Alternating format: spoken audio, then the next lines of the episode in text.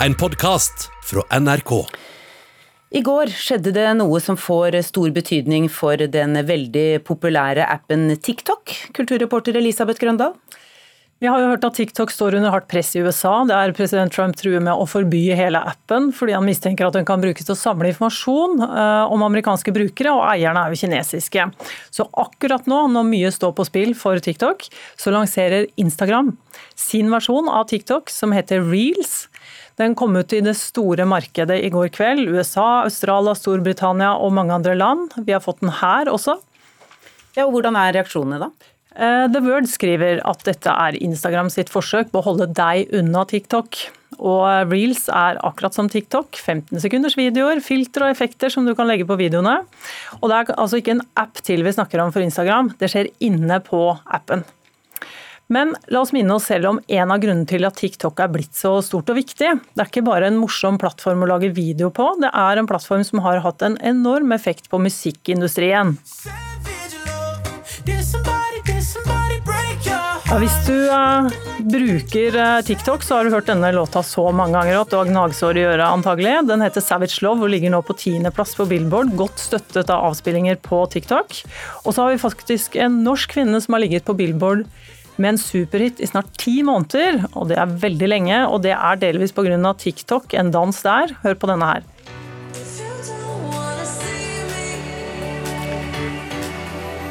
Ja, dette her er Don't Start Now med britiske Dua Lipa, som Caroline Eileen fra Bodø faktisk er låtskriver på. Eh, den fikk en veldig morsom dans på TikTok, tok helt av. Og veldig mange prøver da å lage sin egen versjon, og da varer liksom populariteten til den musikken mye lenger. Så derfor har den ligget der så lenge. Så det er eh, mye penger eh, å tjene her da, hvis man lykkes med en viral dansevideo på TikTok? Det er det, og det er ikke rart at Facebook-eide Instagram nå er på plass med sin egen konkurrent da, pga. dette her. For noen dager siden anklaget eierne av TikTok Instagram for å lage et plagiat av deres app, men dette avviser Instagram. Den er ikke helt lik, sier de til The Verge. For fire år siden så skjedde det noe som ligner veldig på denne situasjonen. Da var det jo Snapchat som tok helt av. Eh, og da la Instagram inn stories, som er en funksjon, veldig tett opp til Snapchat sine øyeblikksvideoer. Og hvordan gikk det da, egentlig? Instagram Stories fikk raskt flere daglige brukere enn Snapchat, og har fortsatt å være et vellykket produkt. Og dette, mener The Verge, er en av de sterkeste grunnene til at Instagram-ledelsen tror de kan lykkes med å ta innersvingen på TikTok nå. TikTok gjorde det først, men kanskje Instagram kan gjøre det best. Takk skal du ha, Elisabeth uh... Grøndal. Dansk musikk er blitt borte fra den danske versjonen av YouTube, eller det du ser når du er i Danmark. Og det skjer som eh, følge av en konflikt mellom den danske rettighetsorganisasjonen, Koda heter de, og Google. Google som driver YouTube. Det berører også norsk musikk, sier de norske rettighetsorganisasjonene, eh, altså Tono.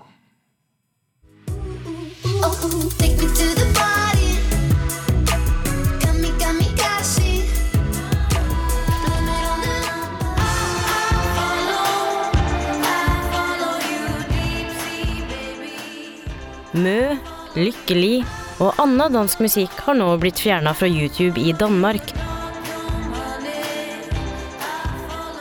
Bakgrunnen for det hele er at Koda, norske Tono og finske Teosto sammen forhandler med Google om en ny felles nordisk avtale. Den skal erstatte de individuelle avtalene selskapet har med YouTube og da den danske YouTube-avtalen utgikk allerede i vår, ble den midlertidig fornya parallelt med forhandlingene om den nye fellesavtalen. Men da den nå skulle bli fornya på nytt, ble ikke partene enige om prisen. Koda ville fortsette nivået Google har betalt siden 2018. Google ville betale 70% mindre enn det. Det aksepterte da ikke Koda, og Google reagerte dermed med å blokkere for Kodas musikk på YouTube. Og det er det vi i Danmark, da, vel å merke, og det er det vi nå begynner å se. Willy Martinsen, kommunikasjonssjef i Tono, kan fortelle at det ikke bare er dansk musikk denne blokaden går utover. Og denne blokkeringen omfatter da ikke kun danskskrevet musikk, men også musikken til nærmere 35 000 norske komponister og sangtekstforfattere. Og det er fordi Koda arbeider på Tonos vegne i Danmark. Martinsen tror derimot ikke at en slik konflikt vil oppstå i Norge. Tono er foreløpig fornøyde med avtalen de har med YouTube. I tillegg skal den i utgangspunktet vare helt til den nye fellesnordiske avtalen trer i kraft. Men han legger ikke skjul på at de skal jobbe for rettene sine. Spesielt siden YouTube blir regna som verdens største musikkanal. Globalt så har vi nok eh, svært konkurransedyktige avtaler, men, eh, men, men, vi vil jo jobbe for å få en enda bedre avtale. Det er klart. Vi ser jo at, at musikk er svært ettertraktet og driver enorme inntekter for for både YouTube og Spotify og andre online-aktører, andre bedrifter generelt som bruker musikk. Eh, og vi må jo sørge for at de som har laget dette innholdet, får, får en anstendig andel av den økonomien.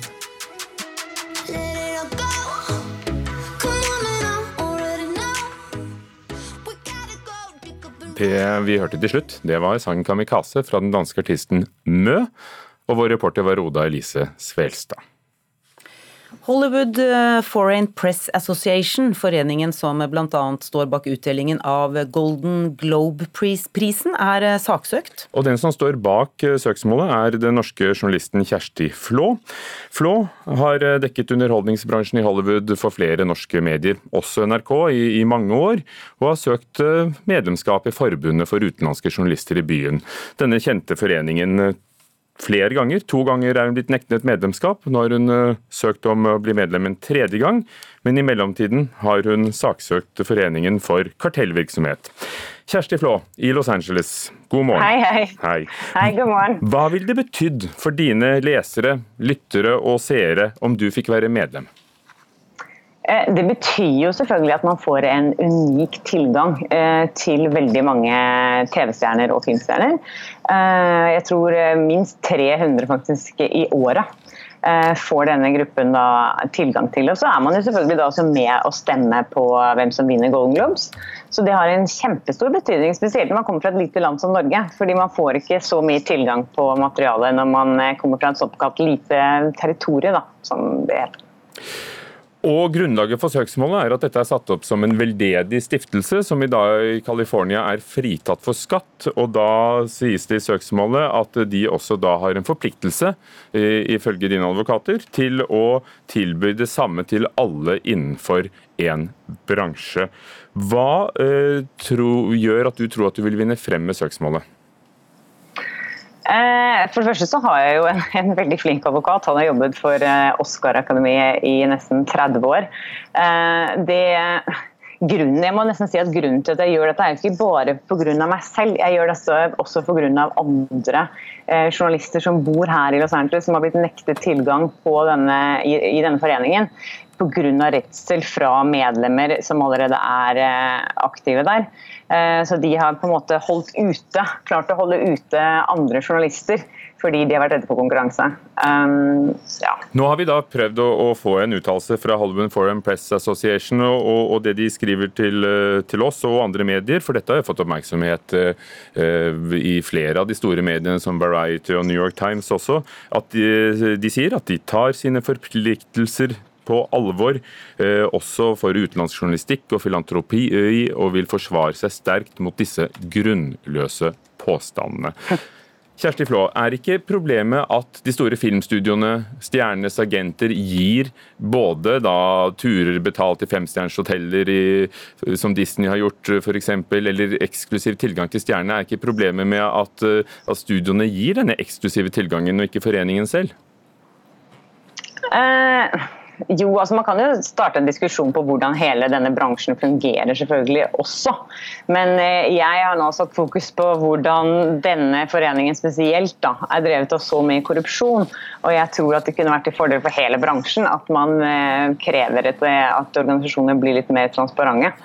Eh, så selvfølgelig, det er mange diskusjoner her som man burde ha fremover. Men korrupsjon er en alvorlig anklage, det er ikke det du har saksøkt dem for? Nei, det er det ikke. Eh, det er ikke det jeg har saksøkte for, men hvis man leser søksmålet mitt, så ser man jo en gjennomgående eh, ja, ser man gjennomgående der at eh, ting ikke er helt, helt stuerent. Ville du vært fornøyd hvis, hvis, det ble sånn at California i stedet sier at dette er slett ikke en veldedig organisasjon, og, og de må betale skatt? Og så kan de 87 medlemmene fortsette å, å, å nekte nye medlemmer medlemskap? Eh, ja, da har de jo lov til å gjøre det. Da bryter de jo ikke loven. Eh, men eh, sånn som ting er nå, så, er det jo faktisk forbudt det de holder på med. Så at, ja, da, ikke, da, kan ikke jeg si noe på det. Det kan jeg faktisk ikke. Så da har jeg ikke noe sak, hvis det, hvis det blir gjort om til en, en for profit, som det heter. Dette vil jo retten ta stilling til om det er forbudt eller ikke, men du mener i, i, hvert fall det. Hvilke reaksjoner har du fått fra andre kolleger? For det er jo veldig mange journalister, mange flere enn 87, fra utenlandske medier som jobber i, i Hollywood. Ja, jeg har fått en utrolig Jeg har fått en storm av eh, av eh, støtte fra journalister her i LA. og De syns selvfølgelig at dette er helt fantastisk. fordi Det er jo veldig veldig mange av dem som har prøvd å bli medlemmer selv. Eh, og som har blitt stoppet. De er blitt stoppet av eh, journalister som kommer fra de landene de er fra. Eh, fordi de vil beholde all tilgangen selvfølgelig selv. da. Så jeg har fått veldig veldig mye tilbakemeldinger av folk som vil være vitner i saken, og som vil stille opp i pressen til intervjuer. Så det har vært helt utrolig så langt, faktisk. Nå sier organisasjonen at de ikke vil la seg presse til å gi medlemskap. Ja, Hva tror du om sjansene for å bli medlem denne tredje gangen du har søkt? Nei, altså, eh, Hvis ting skal foregå da, på denne måten som vi har gjort, med at det er medlemmene som stemmer inn eh, de som søker seg inn sånn som I fjor så var det jo ingen da som kom inn av de fem som søkte, uten at noen fikk noen grunn til hvorfor man ikke kom inn. Så Hvis de skal fortsette i den tralten der med at de skal stemme inn folk, så tror jeg jo ikke at jeg har så stor sjanse. For jeg tror at ganske mange av medlemmene er ganske irriterte på, på meg akkurat nå. Men det er jo dette, akkurat dette jeg saksøker dem for. da, At de ikke skal ha den prosessen lenger. Så jeg håper jo at uh, de kan endre seg. Det gjør jeg jo. Takk skal du ha. Journalist eh, Kjersti Flå med oss fra Los Angeles. Den eh, norske filmen 'Totori 'Sommeren vi var alene' har premiere i morgen. Filmen er skrevet og regissert av ekteparet Silje Salomonsen og Arild Østin eh, Ommundsen, som tidligere har samarbeidet på filmer som 'Mongoland', 'Monster-torsdag' og 'Now It's Dark'. Nå har de laget familiefilm med sine egne døtre i hovedrollene. Og NRKs filmkritiker Birger Vestmo tror Totori vil trollbinde de yngste kinogjengerne og sjarmere foreldrene deres i senk. Dette er lillesøstera mi. Noen ganger syns jeg hun er ganske plagsom. Nei! Men hun er søstera mi, og jeg er glad i henne, selv om vi er forskjellige. Tottori, sommeren vi var alene, fremstår som et overskuddsprosjekt, produsert med små midler, men med store mengder skaperkraft og fortellerglede. La gå at historien virker litt liten og flyktig, og at den bare hinter til noen større og mer alvorlige problemstillinger rundt hovedfigurene. De yngste kinogjengerne vil uansett la seg trollbinde av de små jentenes opplevelser i storslått natur, mens foreldrene deres vil sjarmeres i senk. Bæ! Hun er mer lik pappa. Å være på tur med de to er som å være et eventyr. Ser du noe? Ja! Et rosa slott! Åtte år gamle Vega, spilt av Vega Østin, og fire år gamle Billy, spilt av Billy Østin, blir tatt med på fjelltur av faren, spilt av Thomas Skjørestad. Telturidyllen blir brutt når han ramler ned i en grotte og skader seg, mobiltelefonen blir knust, og han må sende døtrene av gårde for å hente hjelp. Vega og Billy har imidlertid liten lyst til å ta seg over en skummel bru på egen hånd, og tar en omvei som viser seg å ta dem lenger ut i villmarka, til opplevelser som rommer både magi og realisme. Pappa! Pappa! Går det bra? Du er nødt til å ta med deg Billy og gå tilbake igjen der vi kom ifra. På overflata er Totori, sommeren vi var alene, et enkelt eventyr, men handler òg om å finne mot og styrke i vanskelige situasjoner, sjøl om man bare er barn. Gjennom filmen møter Vega og Billy noen bifigurer som av ulike årsaker ikke er i stand til å bidra med voksen støtte, slik at jentene blir nødt til å stole på seg sjøl. Det ligger noen mørke sammenhenger og erkjennelser på lur hvis man ser bak den ytre handlinga, og filmen kunne kanskje med fordel gått enda dypere i denne materien. For de yngste er det uansett mer enn nok spenning å finne, enten det handler om skumle lyder i skogen, forsering av bratte fjellskrenter eller følelsen av separasjonsangst. Jeg tror vi har gått oss vill, Leon. Vi er helt alene nå. Vega Østin og Billy Østin imponerer med naturlig utstråling og fenomenal innlevelse som gjør det frydefullt å følge dem. Deres regissørforeldre Silje Salomonsen og Arild Østin Aamundsen skildrer samholdet mellom søsknene vakkert og nesten rørende. Hvis det skal pekes på mulige svakheter, så er historien i Tottori 'Sommeren vi var alene' litt springende fortalt, nesten litt improvisatorisk, der den røde tråden iblant kan virke litt tynn. Det her kommer de færreste kinogjengerne til å bry seg om, all den tid Vega og Billy er festlige eventyrere i en fin film med spenning, fare, humor og søskenkjærlighet, sett fra et nydelig barneperspektiv. Terningkast fem. Og Tottori, 'Sommeren vi var alene', ble anmeldt av Birger Vestmo. Du har hørt en podkast fra NRK. Hør flere podkaster og din favorittkanal i appen NRK Radio.